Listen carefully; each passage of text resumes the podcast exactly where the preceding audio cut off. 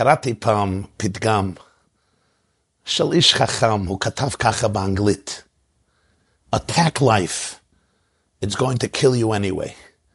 תתקוף את החיים, כי זה יהרוג אותך בכל מקרה.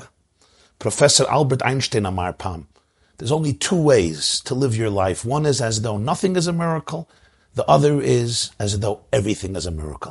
יש רק שתי דרכים איך לחיות את החיים שלך.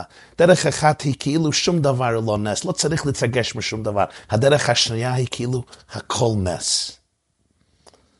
האיש הזה היה בן 137. הוא חי חיים ארוכים, ארוכים מלאים חוויות מן הקצה אל הקצה. רגעים מלאי הוד ושמחה והדר וניצחון, ורגעים מלאי תחושה של אכזבה וכישלון וצער וכאב. אבל עכשיו, בגיל זה, האיש הזה חווה אולי שני המאורעות הכי קשים והכי כואבים בחייו שקרו לשני בני אדם שהיו יקרים לו ביותר. האירוע הראשון קורה בבנו, קורה עם בנו. הבן שחיכה לו רוב ימי חייו, הוא כבר לא חשב שהוא יהיה אבא לבן הזה. אברהם אבינו ושרה אמנו כבר לא חשבו שיכולים להביא ילד לעולם לאחרי שעברו כמעט 90 שנה. אבל אלוקים הבטיח להם, לא, ואעשה אותך לגו גדול. יהיה לך בן, כי ביצחק יקרא לך זרע. יהיה להם בן שימשיך את הברית, את האמונה, את המורשת שאברהם ושרה התחילו בעולם. שנים עברו, שרה לא הולידה, אבל השם הבטיח שבסופו של דבר זה יקרה, ובסוף זה קרה. הילד הגיע, יצחק אבינו נולד. איזה אושר, איזה שמחה. השם שלו יצחק, כל השומע יצחק לי. צחוק בעולם מלידת יצחק. אבל משגדל הילד בא אותו רגע, נורא וקשה. כשאלוקים פונה לאברהם ויאמר הנני ויאמר קח נא את בנך את יחידך אשר אהבת את יצחק לך לך לארץ המריה ועלהו שם לעולה על אחד הערים אשר אמר אליך כמסופר בסוף פרשת וידע. אברהם לא מחה. כשהגיע ההודעה אליו, אלוקים אומר, הנכסה אני מאברהם מה שאני עושה. הוא מספר לו על זעקת סדום ועמורה, כי רבה היא חטאתם כבדה מאוד. הוא רוצה להחריב את סדום, אברהם אבינו מוחה. חלילה לך להעמיד צדיק עם רשע השופט כל הארץ לא יעשה משפט. אבל פה אברהם לא מוחה. הוא גם לא בוכה, הוא לא דוחה. וישכם אברהם בבוקר ויחבוש את חמורו, וילכו שניהם יחדיו. ורק ברגע האחרון, ויקח את המאכלת לשחוט את בנו, ויקרא אליו מלאך השם מן השמיים.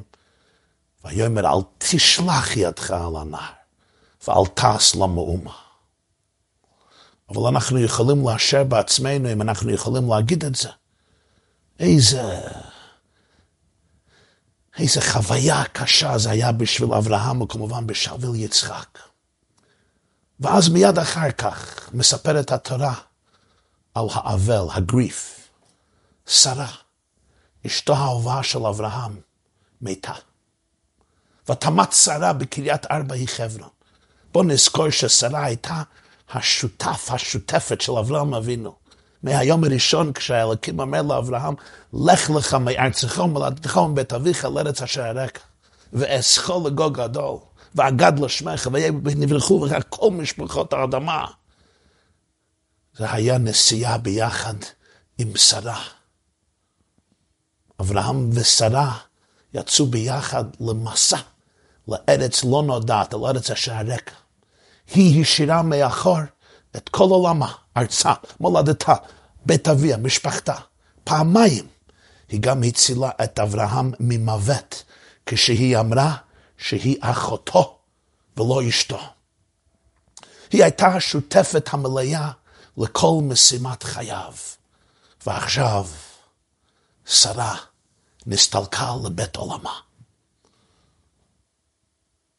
מה עושה אדם בגיל כזה, בגיל של 137.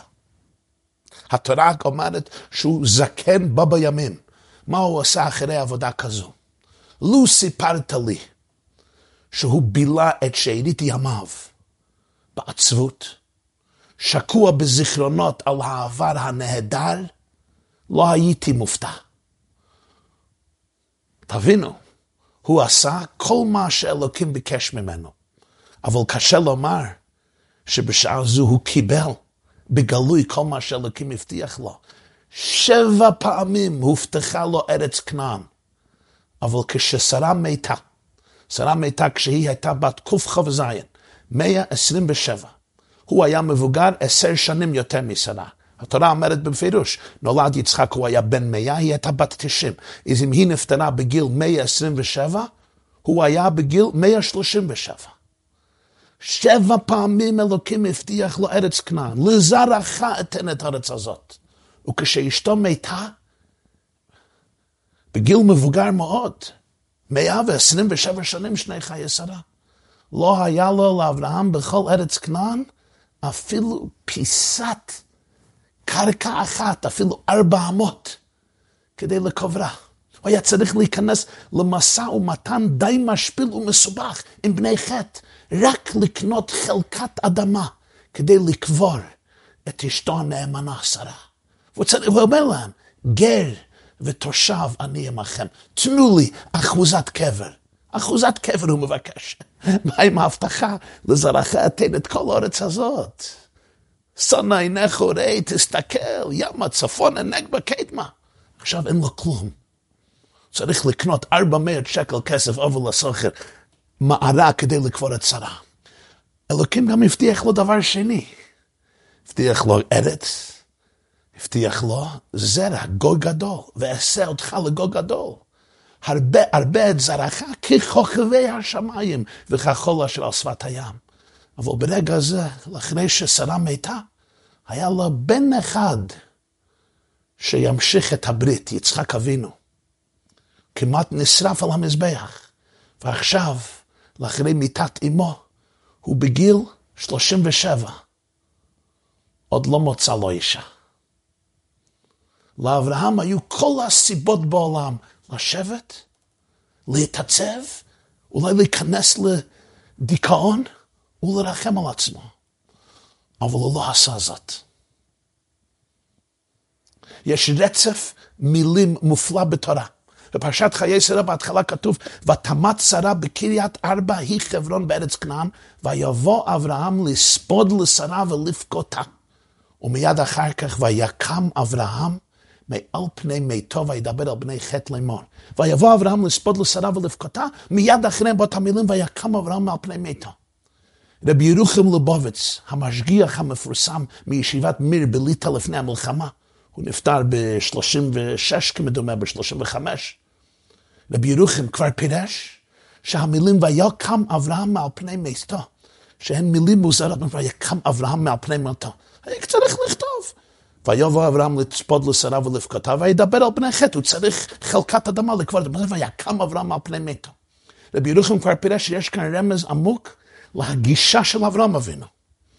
הרב יונתן סאקס, זיכרונו לברכה, הרב הראשי של בריטניה, פירש שמרגע זה והלאה, אברהם נתון בקדחת של עשייה.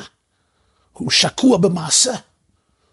הוא רוצה להגשים שתי מטרות, לקנות חלקת קבר לשרה אימנו, ולמצוא אישה לבנו יצחק. זה מפליא, כי שתי מטרות אלו, הן הן שתי הברכות וההבטחות שהוא קיבל מאלוקים. הארץ והזרע. אברהם לא מחכה בחיבוק ידיים שאלוקים יגשים את ההבטחות. הוא הבין אחד מהיסודות של היהדות, הקדוש ברוך הוא רוצה שאני ואתה ניצור את העשיד בסייעתא דשמיא. ויקם אברהם על פני מיתו. אברהם אבינו לא נכנס חס ושלום לדיכאון ולמיתה ולמראה שחורה רוחנית. הוא קם.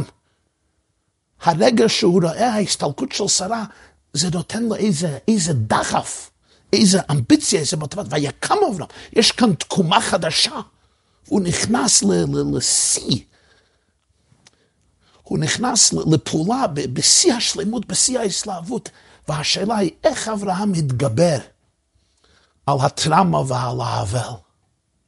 איך שורדים כשמאבדים את השותף לחיים, כשמעט מאבדים את הבן שנולד בגיל מאה שנה? מה העניק לאברהם את חוסנו, את עוצמתו? יכולתו לא רק לצרוד, אלא לחו... לחוות את החיים עם כל האנרגיה ועם כל הרוח שלו. מה נתן לו את הנחישות, את היכולת להמשיך בכל הפתוס והתשוקה והעוצמה. את התשובה לכך, או אולי חלק מהתשובה לכך, זכיתי ללמוד בשבת אחת, כשהייתי נער בן 15, בן 15 שנה. זה היה בשבת פרשת חיי שרה, שנת תשמ"ח. 14 לנובמבר 1987, 1987. אני גדלתי בברוקלין בניו יורק.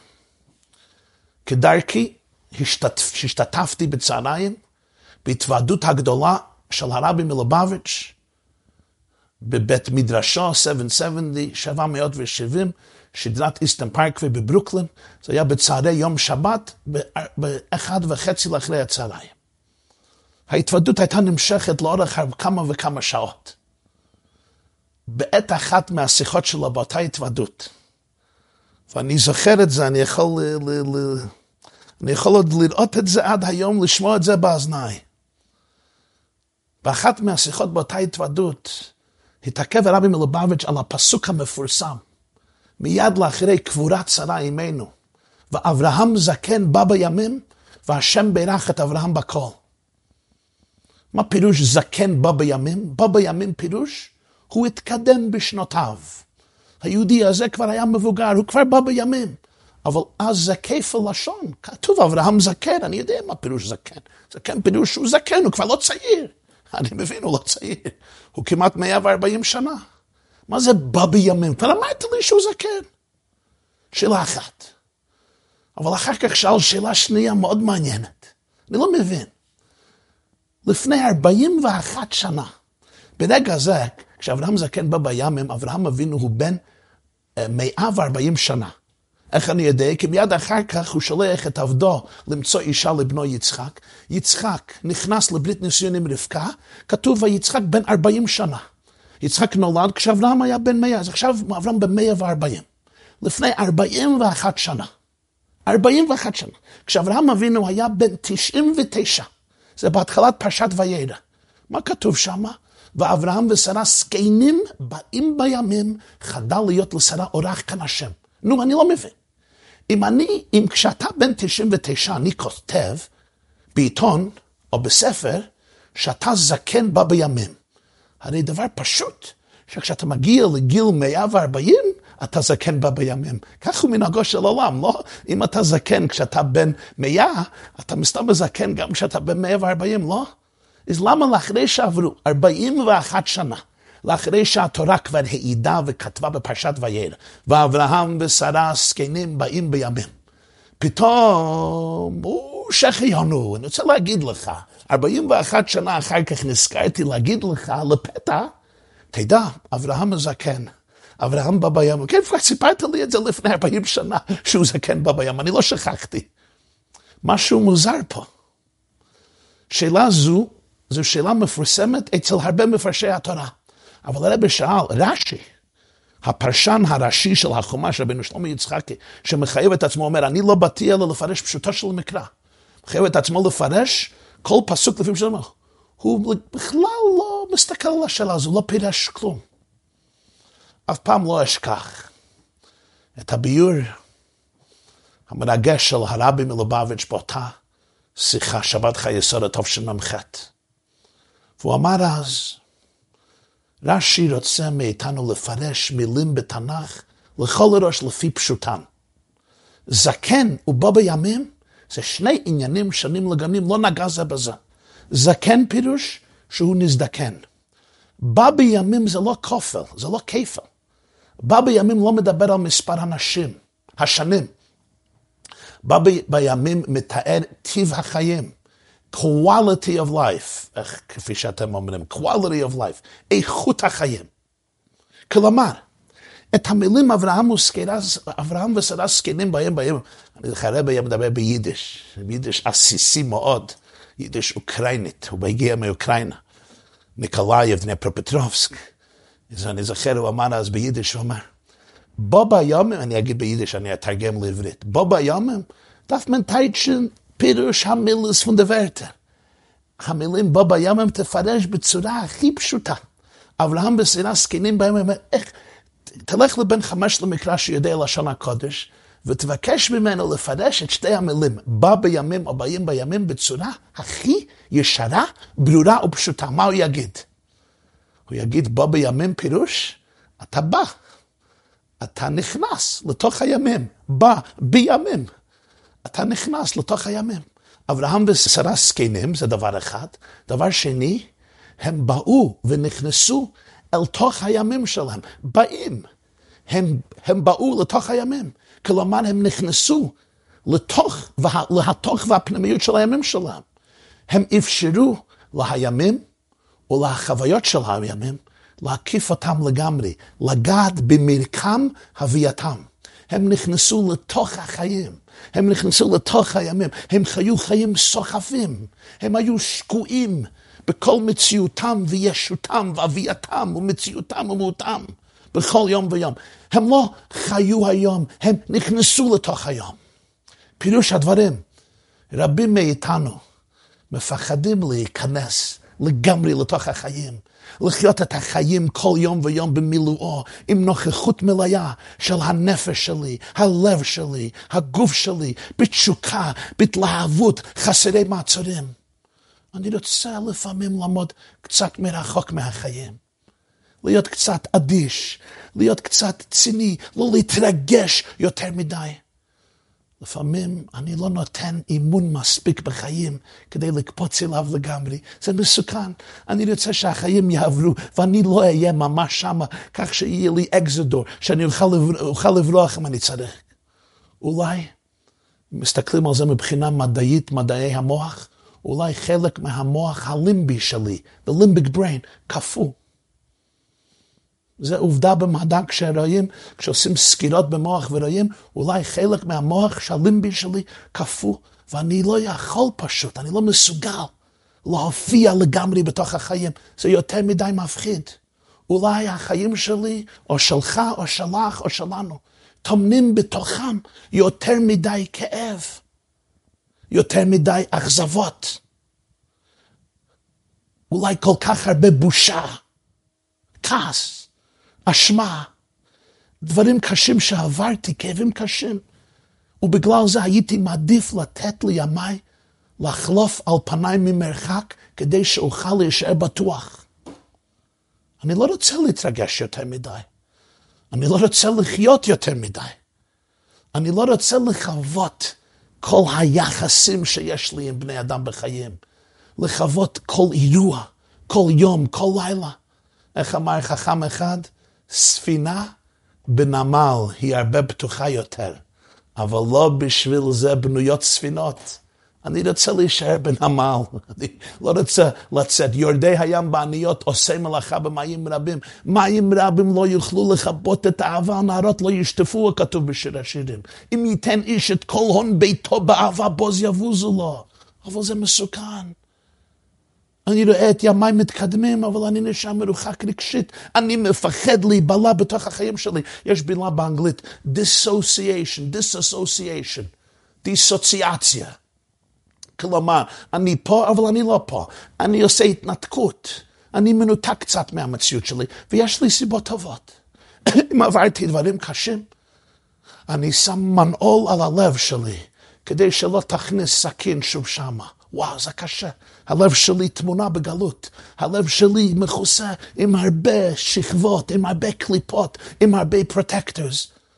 אני כבר לא יכול לסבול להיות נוכח עם כל הלב שלי. אני כבר לא יכול להתרגש. אני לא יכול לבכות, אני לא יכול לצחוק, אני לא יכול לרקוד, אני לא יכול לחיות באמת. אבל אברהם ושרה, הזוג היהודי הראשון אומר את התורה, גילמו דגם אחר בחיים. אברהם וסירה זקנים באים בימים. הם נכנסו במילואם אל כל ימיהם. הם הרשו לעצמם להתעטף בחיים כמו שאתה מתעטף בטלית. הם נכנסו לתוך כל חוויה לגמרי. כל מפגש, כל חוויה, כל יום היה יום, היום יום, היום היה יום.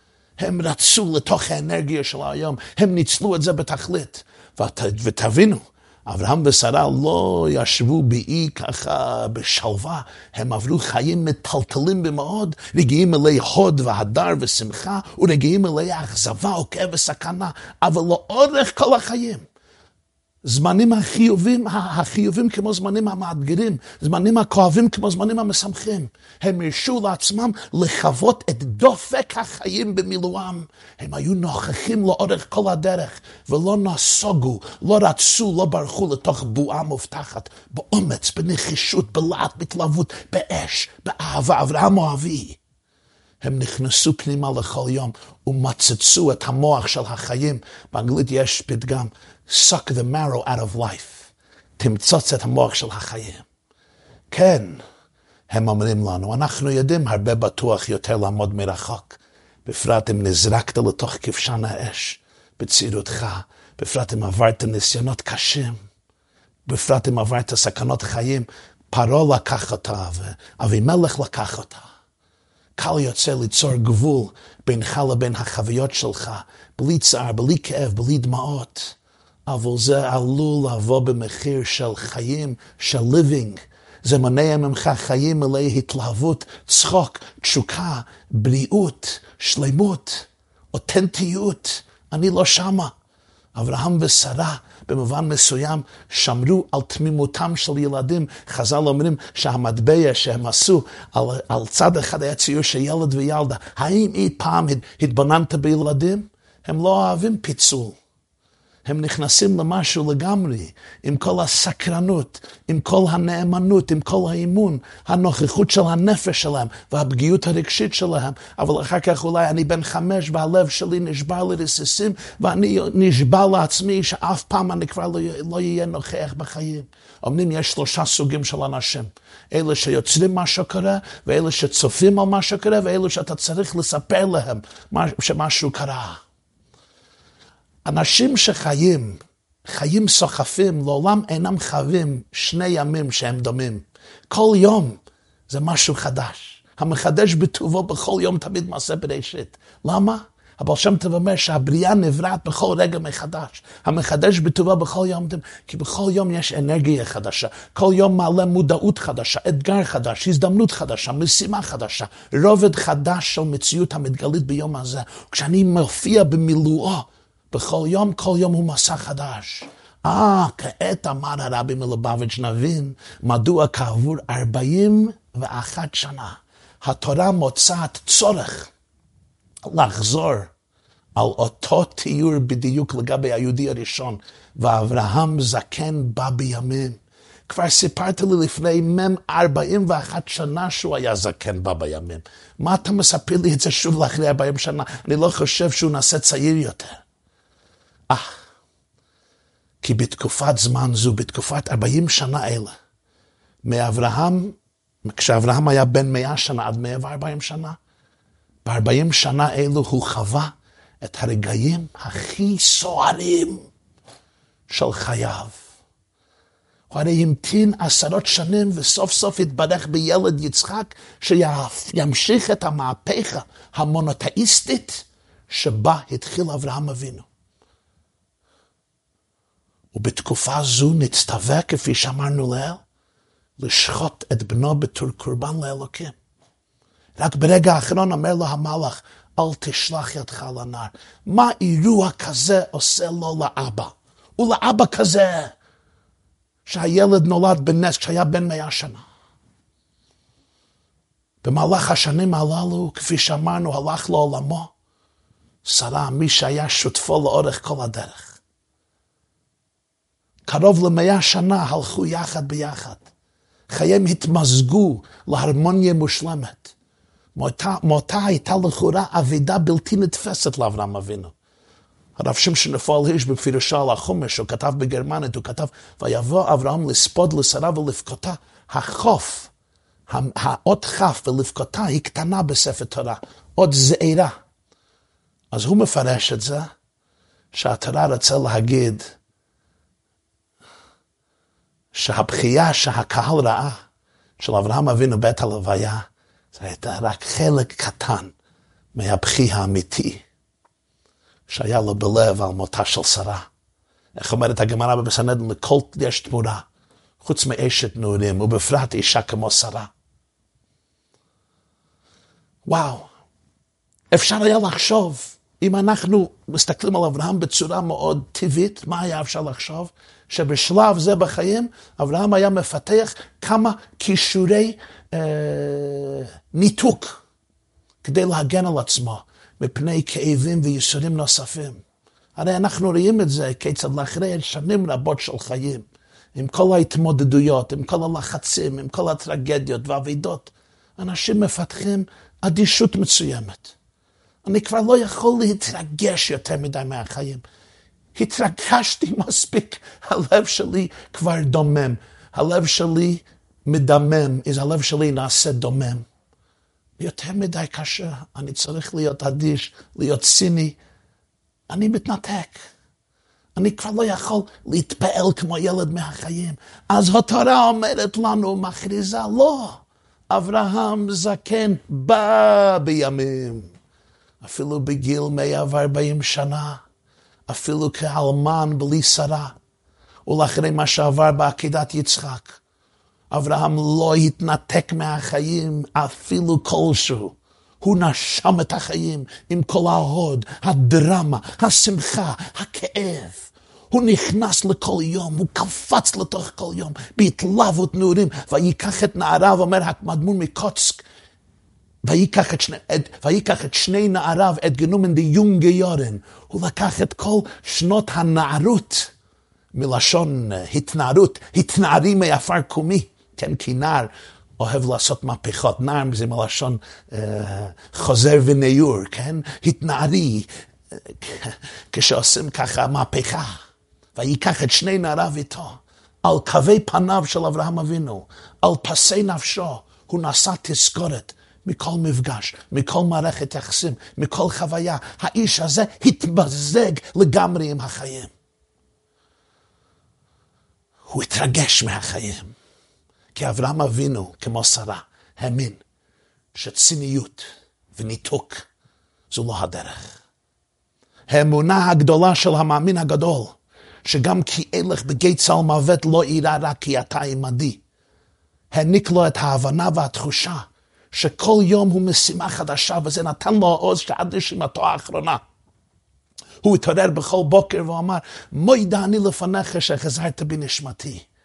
חדשים לבקרים רבה אמונותיך. המחדש בטובו בכל יום תמיד מעשה בראשית. אני אחיה את חיי היום הזה במילואם. הלב שלי, הגוף שלי, הנשמה שלי, המוח שלי, ההתרגשות שלי, ייכנסו כל כולם לתוך היום הזה. נשיא ארצות הברית, אברהם לינקן, אמר פעם,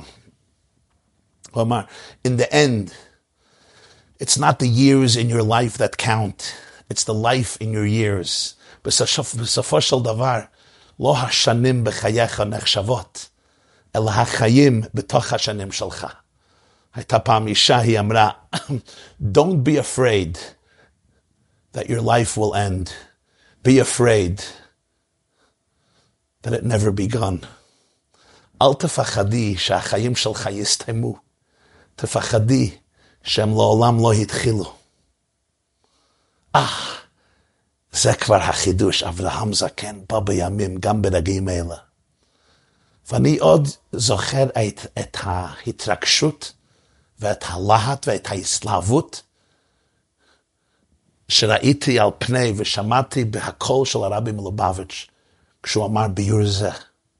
זה עשה עליי רושם עצום, וגם התווה את הדרך כיצד להסתכל על החיים. בלי ליתן לפחד וחלחלה ואמביבילנטיות שדיברנו בפרשת וירא, שלשלת ויתממה, לתפוס אותך, לשלוט עליך. כמובן לא מדובר פה לעשות דברים uh, של הפקרות חלילה, על אנרכיה, אבל מדובר פה על התלהבות, התלהבות פנימית, התלהבות אמיתית, התמזגות עם החיים, בואי אל הטבע, כפי שהבר שם טוב אומר, תיכנס לכל טבע, תיכנס למילים שלך, תחיה את החיים, תיכנס לתיבות התורה, לתיבות התפילה, לתיבות האהבה. אני רוצה להוסיף משהו, אז לא יכולתי לדעת את זה, אבל כמה שנים אחר כך תפסתי את זה. הרבי אמר את זה בשבת פרשת חיי סוד תשמ"ח. זה היה בסוף 1987, נובמבר 1987, 87. כמה שבועות אחר כך נפטרה גם אשתו, זוגתו, הרבנית חיה מושקה שניאסון, זיכרונה לברכה. הם ניסו ביחד בוורשה ב-1928, תרפ"ט. תרפ"ט, 1920, 1927. I'm sorry, 1928, תרפ"ט, י"ד בכסלו בוורשה. זה 1928. והיו יחד כמעט 60 שנה, כי ידוע לא היה להם ילדים. ואני ראיתי איך שהפטירה שלה השפיעה מאוד מאוד על הרבה. ובדיוק כמה שבועות לפני זה, הוא אמר שיחה זו בהתוודות על החיים של אברהם, ואחרי האבדה הגדולה הזו, התורה אומרת, בא בימים. ובאמת, כמו אברהם אבינו, ראיתי, זכיתי לראות איך שהרבי בתור אלמן נכנס לכל יום במילואו וניצל אותו ממש עד קצה האחרונה, עד קצה האחרון. וזה מעניק לי השראה עד היום הזה. סתם סיפור קטן, בשבילי זה לא קטן, זה משמעותי. הייתי בברית מילה. לפני כמה שבועות פגשתי מועל אחד. מתחילים לדבר אחרי הברית. זה היה ברית של שכן פה במונסי. אז הוא אמר פעם, הוא נתן ברית מילה לילד שיצא מרוסיה, שכבר היה כמו בן עשר. וכמה שבועות לאחרי הברית, כשהוא החלים, הוא הגיע ביחד עם הילד מרוסיה להרבי מלובביץ' לקבל דולר וברכה. המועל הזה אמר לי, מר הרב שמע על הסיפור, אני אמרתי לרבי מלובביץ' שהילד הזה עבר ברית בגיל עשר, והרב שאל אותו ברוסית, למה עשית את זה? אז הוא אומר לרבי מלובביץ', ich habe sich gewollt verbinden mit dem Ebersten. רציתי להתמזג, להתקשר, להתאחד עם הקדוש ברוך הוא. המוהל אמר, שתי דמעות גדולות זלגו מעיניו של הרבי מלובביץ'. והוא פונה לילד שנית, ואומר, זוג מנוחמול, תגיד לי שוב, למה עשית את זה? והילד אמר את זה שוב, רציתי להתמזג, להתאחד עם הקדוש ברוך הוא. זה הפירוש, הרבי כמעט היה בן 90 אז. אתה אף פעם לא מאבד את היכולת להתרגש, להתקרב, להתאחד עם עצמך, עם אחרים, עם העולם, עם הקוסמוס, עם הקדוש ברוך הוא, עם הנשמה שלך, עם הנשמה של האחרים. כמה חדשים לפני שיחה זו, אני עוד זוכר, זה היה בשמחת תורה תשמ"ז, כמו שנה לפני זה, 1986, 1986, בליל שמחת תורה לפני הקפות, אני עוד זוכר את זה. אני, אני, אני עוד זוכר את זה. הרבי יושב, יהודי אה, מבוגר מאוד, קרוב לבן 90, בשנות ה-80 שלו. הוא בוכה כמעט חצי שעה ללא רצף. על שבירת הלוחות של משה רבנו כדי להציל את עם ישראל, על אהבת ישראל של משה רבנו. ישב, ישב יהודי גדול, גאון שבגאונים, מנהיג ישראל, בשנת תשמ"ז, 1986, הוא היה לערך בן 86, בן 87, הוא בוכה, הוא בוכה, כמו ילד. אה, ללמדך, פחד והתנתקות זה לא דרך בחיים.